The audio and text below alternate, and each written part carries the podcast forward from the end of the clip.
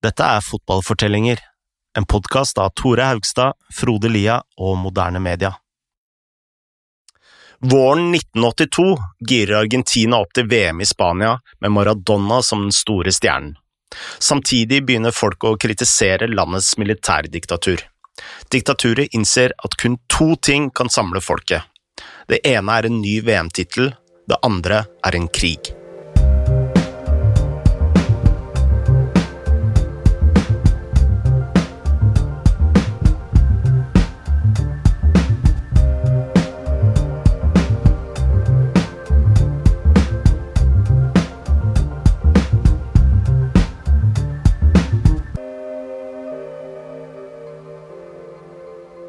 I starten av 1982 var Diego Maradona utslitt.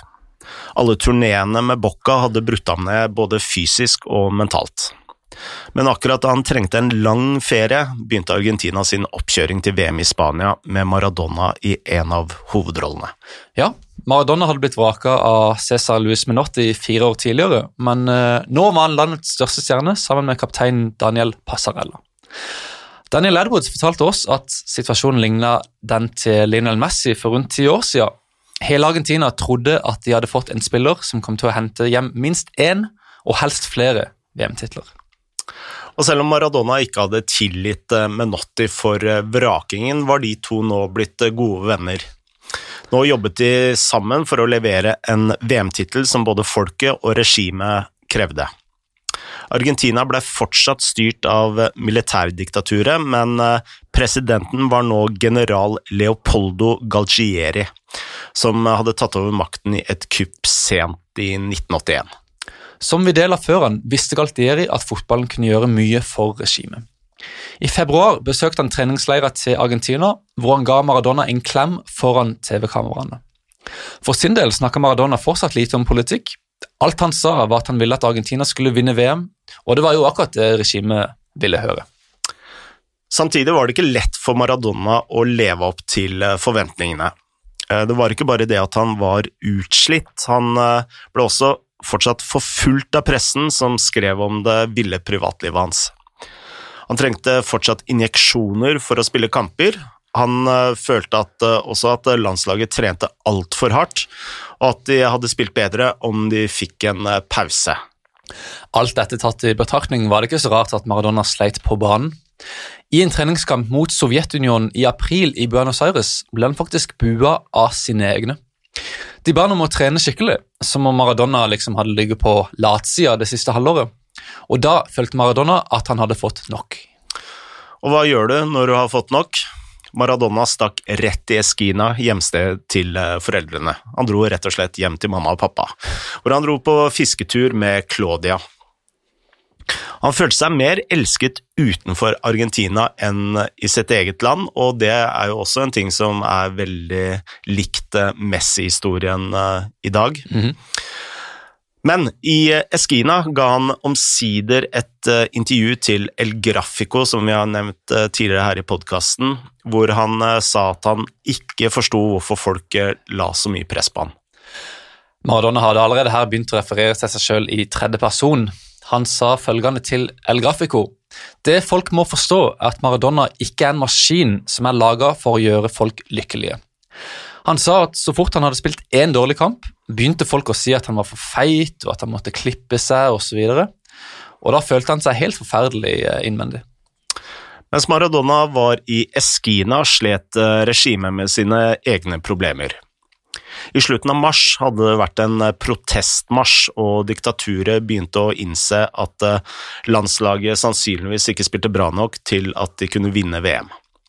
Så general Calcieri han bestemte seg for å gå til krig. Argentina fant ut at det var en god idé å kapre Falklandsøyene, en liten øygruppe utenfor den argentinske sørøstkysten som tilhørte Storbritannia. Jimmy Burns kaller dette det mest ambisiøse politiske prosjektet i Argentinas militærhistorie. La oss høre fra Jonathan Wilson om hva som skjedde.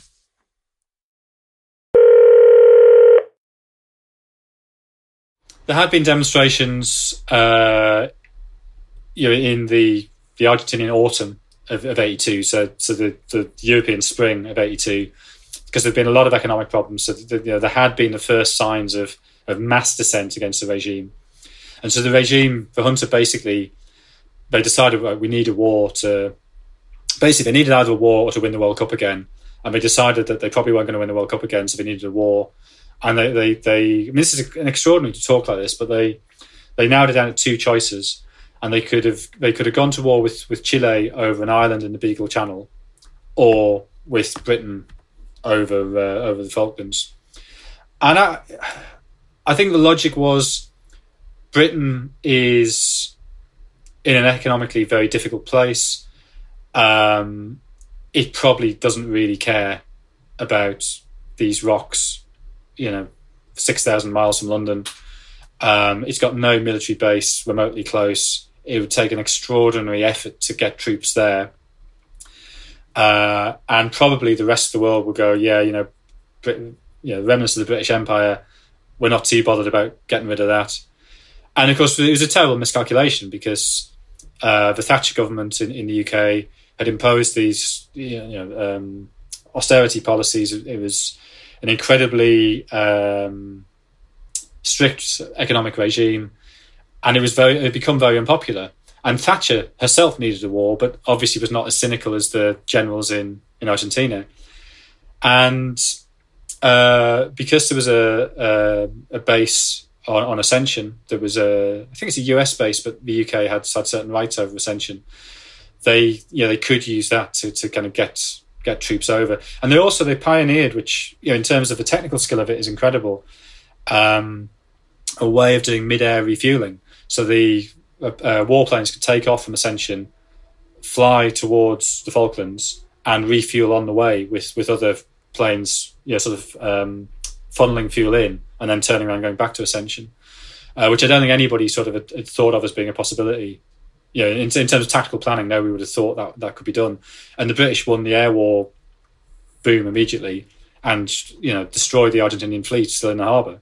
And once that happened, there was, you know, there's no way Argentina could, could win the war because they had no ships and no planes. And they had these, I mean, yeah, the other tragedy of the war from the Argentinian point of view is the initial plan had been to invade later in the year, and sort of in November, uh, which would have been heading into summer, so the conditions would have been less unpleasant. But also, the way conscription worked then and the way military service worked was you began in the January and you were trained through to the December, and you did a year. And so those troops, although they'd have been 17 years old, they would at least have been had you know 10 months of training, whereas these were troops who had four months of training. So you know you're sending them in against you know proper professional soldiers. Mens landslaget ladet opp til VM, var altså Argentina i krig med Storbritannia. Og selv om eh, britene hadde overtaket, dekket argentinske medier krigen slik at det så ut som eh, Gagieris eh, tropper var i ferd med å vinne. Samtidig økte spenninga mellom argentinerne og britene. På Argentinas kamper sang fansen at 'den som ikke hopper, er en engelskmann'. Den argentinske staten printa ut små lapper med et bilde av en argentinsk gutt i fotballdrakt som tar en britisk løve til fange. I England skulle Tottenham spille FA Cup-finalen, og før finalen anbefalte det engelske fotballforbundet at Tottenham ikke brukte Ricardo Villa og Osvaldo Ardiles, to argentinske spillere. Da landslaget kom til Spania for å spille åpningskampen mot eh, Belgia, sto de bak en stor banner som sa 'Falklandsøyene er våre'. Og selv om britene var i ferd med å vinne krigen, var spillerne overbevist om at en argentinsk seier var like rundt hjørnet. Vi setter tilbake til Jonathan Wilson.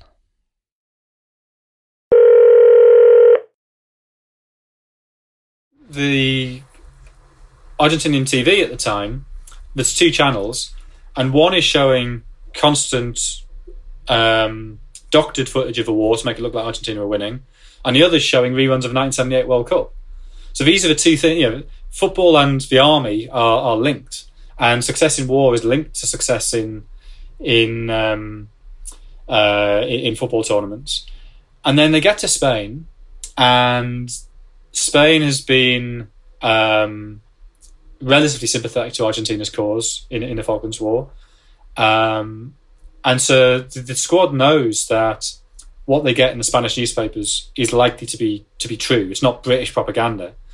And they suddenly read in the Spanish papers, hang on, we're not just losing the war, but we're really humiliatingly losing this war. You know, our, we've got 17 year old conscripts who are being destroyed by professional troops. Yeah, our guns have a range however much shorter than the range of the British guns. And, and this war is, is going to be lost sooner rather than later. And, and talks about what a what a horrific shock that is for the whole squad, because they suddenly realise that it's not just the war reporting that's probably false; it's everything else the government's told them could be false. And so, for six years, they've had the hunter telling them that the hunter is brilliant and is doing things well, and and suddenly that's cut away. And Maradona talks about the, you know, they, they play Belgium in that opening game of the World Cup, and they play abysmally. And one of the reasons is everybody sort of like, what, what what's going on? What, what what what kind of country do we live in? And I guess there's been rumours about people being disappeared and and and uh, the the excesses of the state. And maybe maybe if you lived there at the time, you didn't take them seriously. You thought it was just oh the leftists kind of making up their stories. And I guess suddenly you start to think, actually maybe maybe that is true. Yeah, if they've lied to us about this, they're probably lying to us about everything. Argentina tapte åpningskampen 1-0 mot Belgia. Dagen etter det oppgjøret var Falklandskrigen offisielt over, med britene som seierherrer. Nyheten om dette kom ut mens Brasil spilte mot Sovjetunionen. Det førte til en av de mer kuriøse øyeblikkene i britisk TV-historie.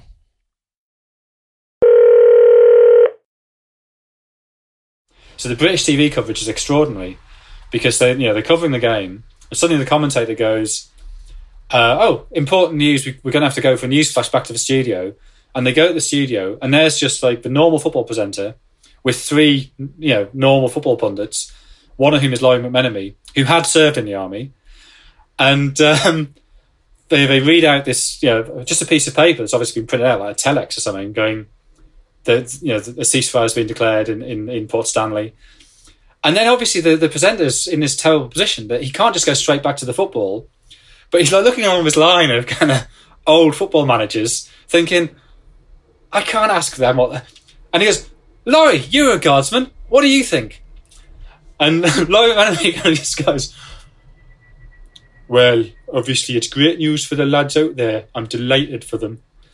And then they go back to coverage of Brazil against the Soviet Union. So bizarrely, the fir- I, I think probably the first expert asked about the ceasefire in the Falklands War on British TV was the Southampton manager Laurie McMenemy. Selv om Argentina fortsatt var i sjokk, klarte de å slå Ungarn 4-1 i sin andre kamp. En 2-0-seier mot El Salvador sendte dem videre til en ny runde med gruppespill.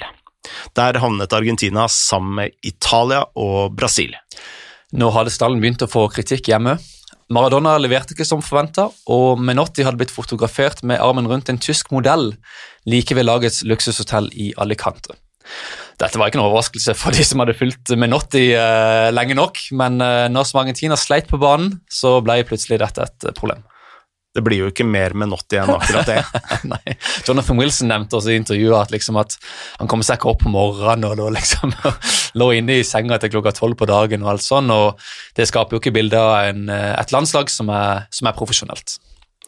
Argentina var aldri i nærheten av å kvalifisere seg til semifinalene. De tapte 2-1 mot Italia i en kamp hvor Maradona ble sparket ut av kampen av beintøffe Claudio Gentile. Så ble de rundspilt av Brasil og tapte 3-1. Like før slutt satt Maradona knottene i Batista og fikk rødt kort. Maradona sa senere at han hadde ment å klippe ned Falcao, som om dette var en slags unnskyldning for denne skrekktaklinga.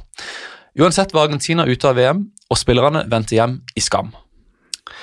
Samtidig var det ikke slik at de hadde tapt mot smånasjoner. Vi ba Daniel Edwards om å bedømme Argentinas VM-prestasjon.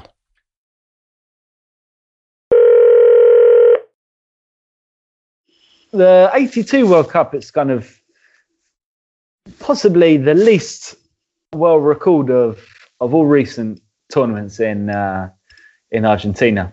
Um, for obvious reasons, you know, it ended very uh, in very disappointing fashion. But I think you know you could also uh, argue that it was extremely, you know, it wasn't as if they were they were upset by by poor sides. Um, you're talking about a group which had the the eventual winners in Italy, who had a, a fantastic, fantastic team. Um, guys like uh, Claudio Gentili, uh, Marco Tardelli, Paolo Rossi, Dino Soff, um, you know, all-time greats uh, uh, in the Italy team, and then of course um, that 1982 Brazil team, um, which often comes up as you know the best the best side never to win the World Cup, and you know led by Socrates, uh, Zico, Falcao, all of these guys. Um, you know, again, all-time legends. Um, so yeah, I'd uh, I'd say possibly calling that World Cup a disaster is is a little unfair on both on both Argentina and Maradona, given the teams they had to face. But but yeah, at the same time, it was uh, it was a period when where Argentina were expected to go all the way in pretty much every World Cup, and and on that occasion they they fell short. Etter VM og krigen gikk Galtieri av som president. Regimet kollapsa, general Reinaldo Bignone tok over makta og lovte å holde demokratiske valg for å bestemme landets neste president. Dermed fantes det ikke lenger noen militærdiktatur som kunne holde Maradona i Argentina. Men dette var uansett blitt en helt umulig oppgave. Allerede før VM hadde Maradona skrevet under for en ny klubb. Neste stopp var FC Barcelona.